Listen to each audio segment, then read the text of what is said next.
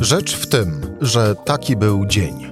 Cezary Szymanek, zapraszam na codzienny podcast Rzeczpospolitej.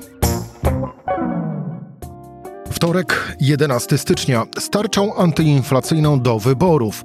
Rząd Mateusza Morawieckiego zamierza wydać, czyli zadłużyć państwo, około 25 miliardów złotych, aby obniżając VAT i akcyzę oraz wprowadzając dodatki osłonowe, złagodzić skutki wysokiej inflacji dla siebie.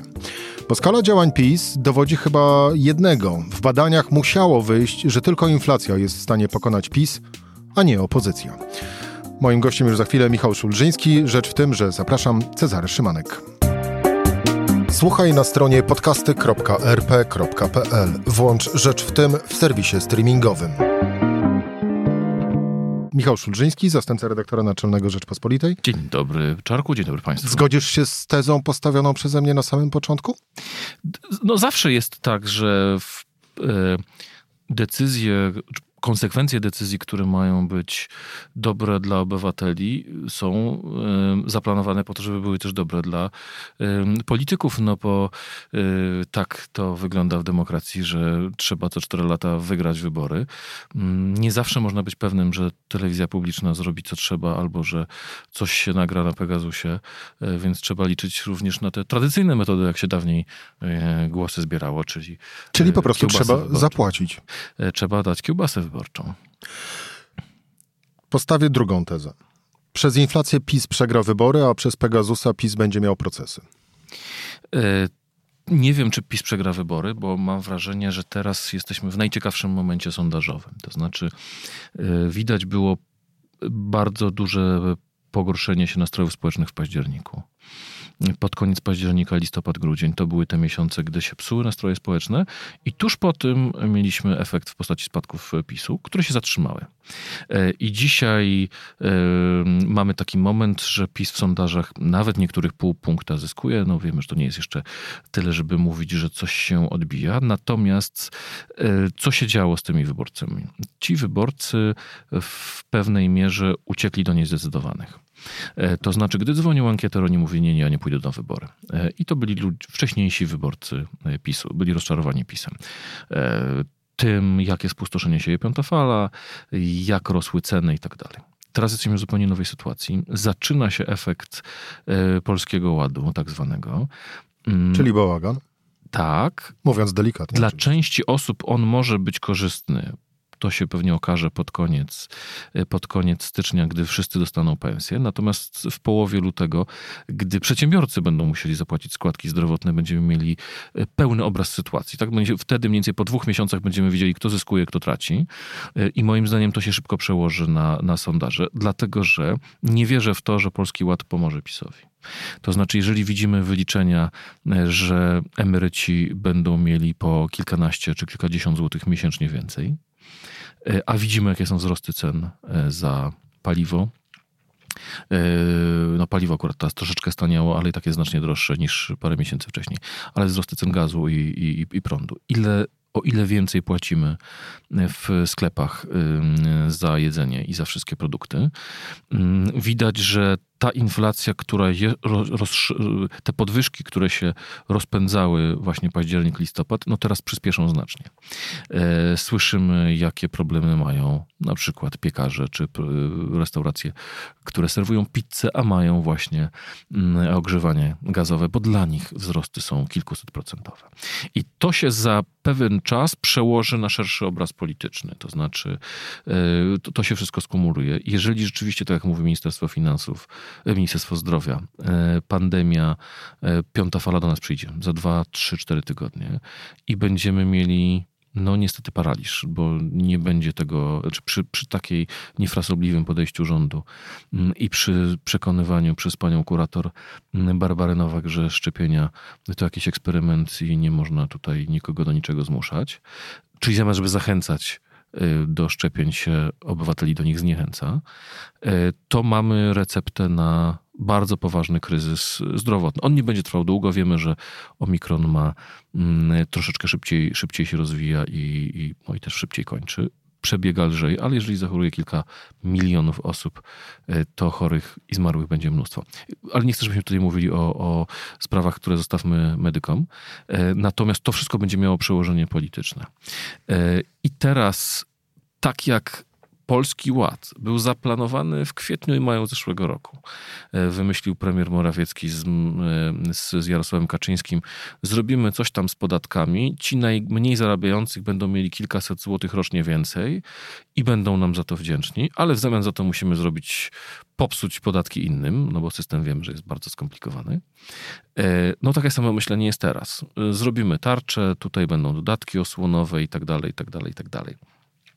Tyle tylko, że ta dynamika wydarzeń jest tak wielka, że nie mamy żadnej pewności, czy to w ogóle zadziała.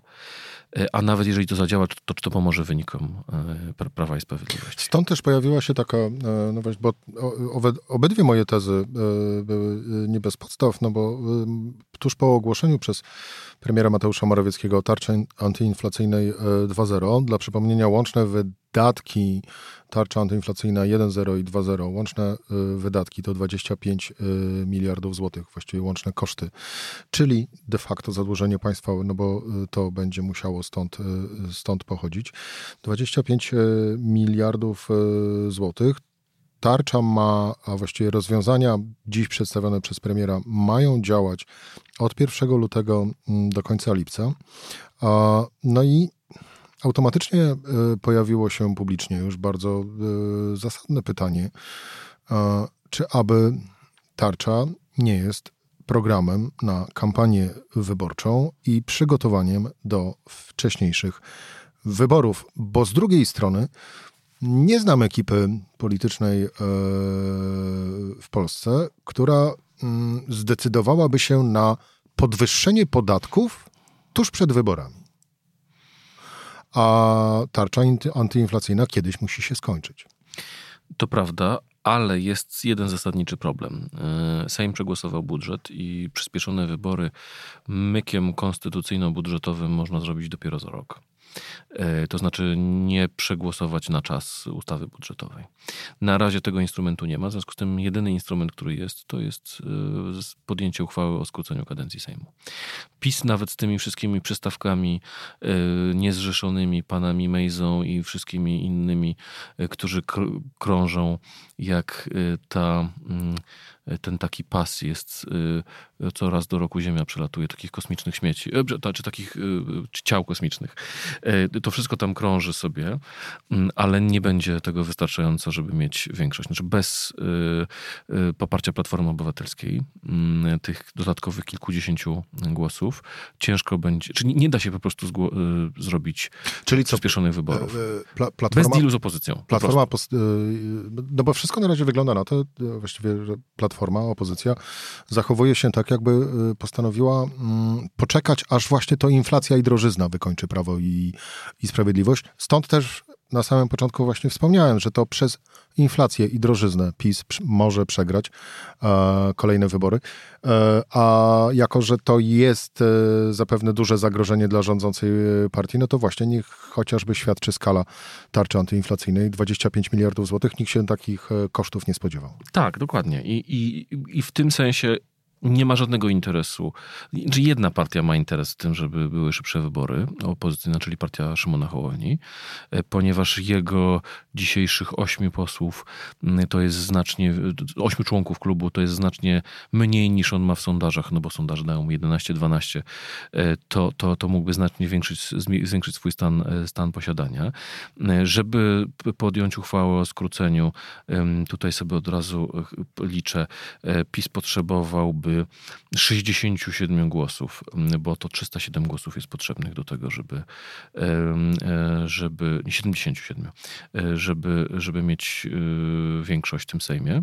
Znaczy w ogóle zgodnie z konstytucją do skrócenia Sejmu. W związku z tym bez Platformy się tego zrobić nie da.